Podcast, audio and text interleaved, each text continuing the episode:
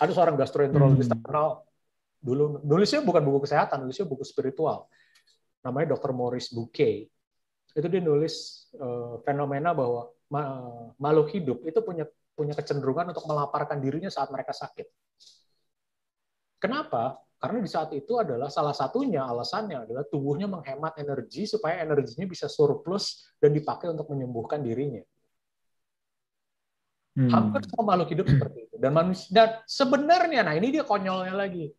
Karena seni seni sehat itu kan yang diketahui orang cuma ayo makan ini supaya sembuh, ayo makan ini supaya sehat, ayo minum susu supaya tinggi, uh, uh, ayo minum jahe supaya nggak batuk, ayo jadi makan makanan yang terapikal yang bersifat satu arah kayak gitu. Jadi orang lagi orang lagi sakit yang kemudian kehilangan nafsu makan, sebenarnya itu kan sebenarnya proses dia untuk menyembuhkan diri dirusak sendiri oleh manusianya, dirusak sendiri oleh sekitar. Ayo kamu harus makan biar sembuh. Ayo kamu harus makan biar sehat. Even di rumah sakit pun kayak gitu. Jadi bukannya hmm. difasilitasi supaya laparnya itu bisa menyembuhkan, malah dirusak fase itu dengan dikasih makanan. Nah kalau orang udah nggak mau makan, supaya dia bisa mau makan, nalurinya apa? Kasih makanan yang dia suka kan? Dikasihlah sop kaki kambing, dikasihlah sate, kasihlah pizza, dikasihlah burger. Itu orang lagi sehat dikasih makan kayak gitu aja sakit. Apalagi orang sakit dikasih makan kayak gituan, mampus lah. Dalam keadaan ya, ya, ya, dan korban terbanyak di mana? Lagi pandemi kayak gini, banyak sekali korbannya di sisi itu. Nah, hmm. puasa yang benar, ya, puasa di mana tubuh kan. Di situ saya jelasin bahwa kalau saat kita lapar, bahkan di, di, di sel kita ada efek namanya ada efek namanya autofagi. Jadi kayak tubuh mendaur ulang sampah yang ada dalam sel, ada bagian sel namanya lisosom, dia bekerja keras untuk mendaur ulang sampah yang ada dalam sel. Jadi orangnya jadi segar, jadi kuat. Nah itu kan salah satu manifestasi dari puasa juga. Itu kan menjelaskan kenapa, hmm. salah penjelas lagi kenapa kalau makhluk hidup, hewan, manusia gitu ya, waktu dia lagi sakit, dia melaparkan diri. Itu juga salah satu penjelasnya konteksnya sih, tetapi itu baru bisa terjadi kalau puasanya dilakukan dengan benar. Nah, itu dia kalau dilakukan dengan benar. Tapi oh ya, sebelum uh, habis ini saya mau nanya ke Afifah lagi ya kalau masih ada pertanyaan. Tapi sebelum itu saya mau nanya. Mas, ini yang mitos dan fakta itu harus dibaca satu dulu apa bisa langsung kedua? Boleh kedua. Cuma kedua lebih advance lah. Rasanya saya memang harus lebih satu dulu kayaknya.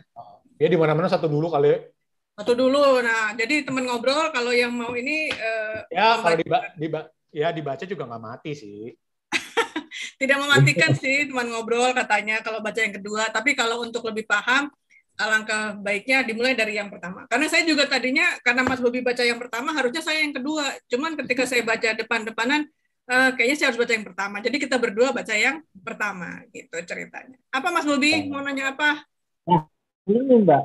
Uh, tadi yang berkaitan dengan masalah teh itu disinggung oleh Mas Erika di dalam bukunya yang uh, kedua ya mitos dan fakta kesehatan yang kedua dan secara khusus dia mengulas di dalam halaman 25. Nah, uh, di situ ditulis teh bersifat diuretikal, dehidrasi terjadi konstan dan secara akumulatif rusak tubuhnya.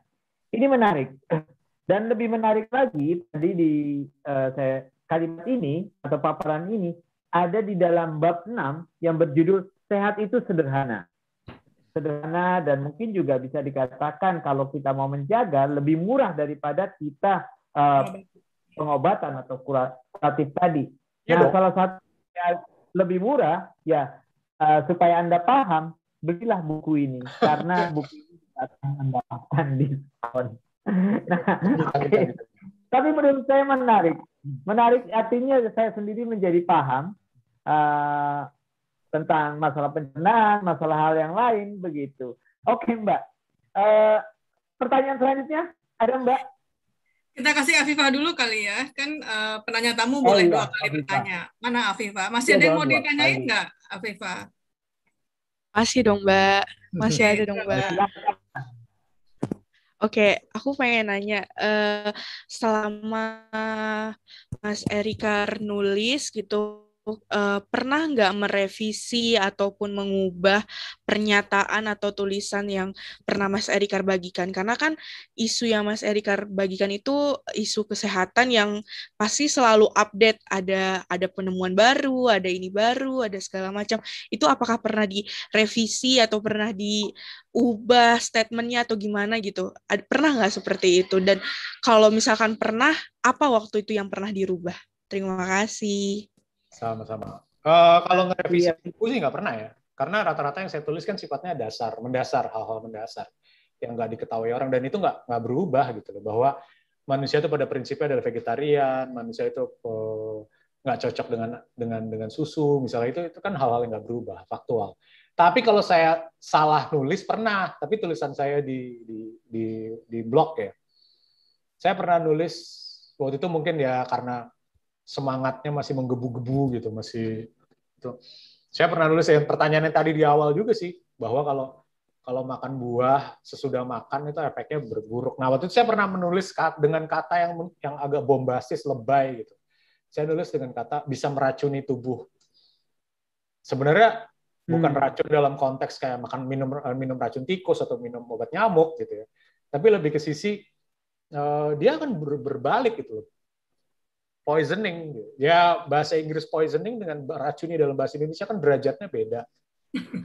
yeah, yeah. Uh, kalau poisoning di bahasa Inggris mungkin lebih levelnya lebih ringan ya, pelan-pelan, akumulatif merusaknya. Kalau di Indonesia meracuni kan sama aja membu mm, bikin orang mati gitu. Jadi itu saya koreksi kalimatnya. Jadi ada beberapa yang yang ngebalikin ke saya, ya mas katanya kalau makan buah habis makan bisa diracun buat badan. Hah kapan ya gue ngomong kayak gitu ya? Terus ada yang ngasih ada yang ngasih kutipan di blog saya. Oh iya berarti salah. Nah itu itu yang saya koreksi. Tapi kalau yang lain sih nggak pernah. Hmm. Oke, itu ya Afifah ya. Masih ada lagi nggak? Udah? Uh, saya mau nanya satu lagi nih. Uh... Boleh, boleh, boleh nambah, boleh. kalau misalkan nulis gitu ya, ya tentang isu kesehatan ataupun isu-isu yang uh, uh, istilahnya saintis pernah nggak ngerasa ngeblank gitu? Pas waktu Mas Ikrar blank kayak nggak bisa lagi nulis kayak nggak tahu lagi mau nulis tentang apa nih gitu. Entah itu di uh, buku ataupun di Twitter gitu. Pernah nggak ngalamin hal itu? Dan apa yang Mas Erika lakukan gitu? Kalau Twitter nggak pernah. Kalau buku sering mampus. Hmm? kalau buku tuh sering banget. Di depan komputer bengong sampai komputer dimatiin karena nggak tahu harus nulis apa tuh sering banget. Uh, dan apalagi zaman sekarang ya, zaman sekarang tuh susahnya minta ampun nulis karena distraksinya kebanyakan. Jadi yang saya lakukan ya mau nggak mau harus fokus sama daftar, daftar pustaka. Kalau zaman dulu ya, zaman dulu kan belum secanggih sekarang nih. Zaman dulu Google, zaman-zaman saya nulis buku-buku ini tahun 2011-2012 itu Google belum belum secanggih sekarang gitu. Masih masih bahkan Google dulu masih kayak punya pesaing-pesaing. Ada nama mama, mama.com atau apalah atau apa gitu masih ada. Kalau sekarang sih nulis kayaknya gampang ya, tinggal buka Google terus udah dapat materinya. Tapi kalau blank doang mah sering, sering banget. Nah, caranya gimana? Pertama fokus. Buku saya tentang detoksifikasi bukan PBK yang terbitin itu saya menyepi ke Bali waktu itu. Hmm saya uh, seminggu di Bali. Soalnya udah se hampir setahun lebih nggak selesai-selesai. Penerbitnya nanyain mulu gitu. Ya udah. Jadi saya nyepi fokus bawa bawa literatur. Jadi bukunya. Nah cara salah satu cara kayak gitu. Tapi kalau zaman sekarang mungkin lebih gampang ya nulis nulis tuh lebih gampang sih. Maksudnya tinggal sediain waktu nyari literatur backupnya juga udah nggak susah sekarang. Tinggal tulis topik di Google muncul banyak banget. Even sampai jurnal-jurnalnya di Google udah, udah bisa ditemuin kan. Jadi lebih gampang kalau kalau nulis jadi penulis di zaman sekarang tuh lebih gampang dibanding dulu-dulu. Mungkin yang dimaksud kalau lagi blank gitu kali mas. Iya. Di, iya maksudnya salah satu salah satu cara jadi saya, kalau saya blank tadi itu salah satu salah satu ininya saya saya nyepi. nyepi. Tapi zaman sekarang blank tinggal ketik topik yang kita mau aja di Google. kadang-kadang keluar berbagai macam lit ini kan, berbagai macam ini. Nah dari situ kita bisa dapat dapat inspirasi. Oh bisa bahas dari titik ini nih, bisa bahas dari sini nih, bisa. Hmm. Ini nggak ngajarin jadi plagiat ya, tapi ngajarin untuk kita ngelihat berbagai macam perspektif. Ya. Kayak nulis tentang susu, susu gitu ya. Bad things about milk. Tulisnya di Google. Nanti muncul banyak. Nah dari situ kan kita bisa ngambil, oh angle-nya bisa dari sini, angle-nya bisa dari sini, angle-nya bisa dari sini. Itu kalau itu bisa jadi perspektif, bisa jadi jadi perspektif yang berbeda-beda untuk menghasilkan sebuah tulisan. Tapi balik lagi, Mbak, saya kan penulis penulis ece-ece, bukan penulis bukan penulis kelas naras fiksi, fiksi yang hebat gitu. Jadi kalau kalau saya mungkin jalan keluarnya lebih gampang. Kalau misalnya Mbak Afifah bicara dalam konteks menulis fiksi novel misalnya terus blank blank ya teknik saya mungkin nggak nggak nggak terlalu ngefek gitu. Mungkin lebih ngefek nggak datang ke datang ke tempat umum lihat orang pacaran, nah itu mungkin lebih inspiratif. Iya iya iya Mas kan dia saya kasih contohnya melanjutkan. kalimatnya suka aneh-aneh kan Mas Erika ini. Mbak Manda, saya mau melanjutkan ya apa yang ditanya oleh eh, Afifah. Tadi katanya kembali menyepi untuk eh, ketika menghadapi bank. Lalu apakah ro- eh, royalti yang didapat dari buku itu titik imp- eh, mengalami titik impas dengan pengeluaran kembali gitu Mas? Susah dia jawabnya juga tuh sampai ketawa. Kalau hitung royalti mah lama, Mas.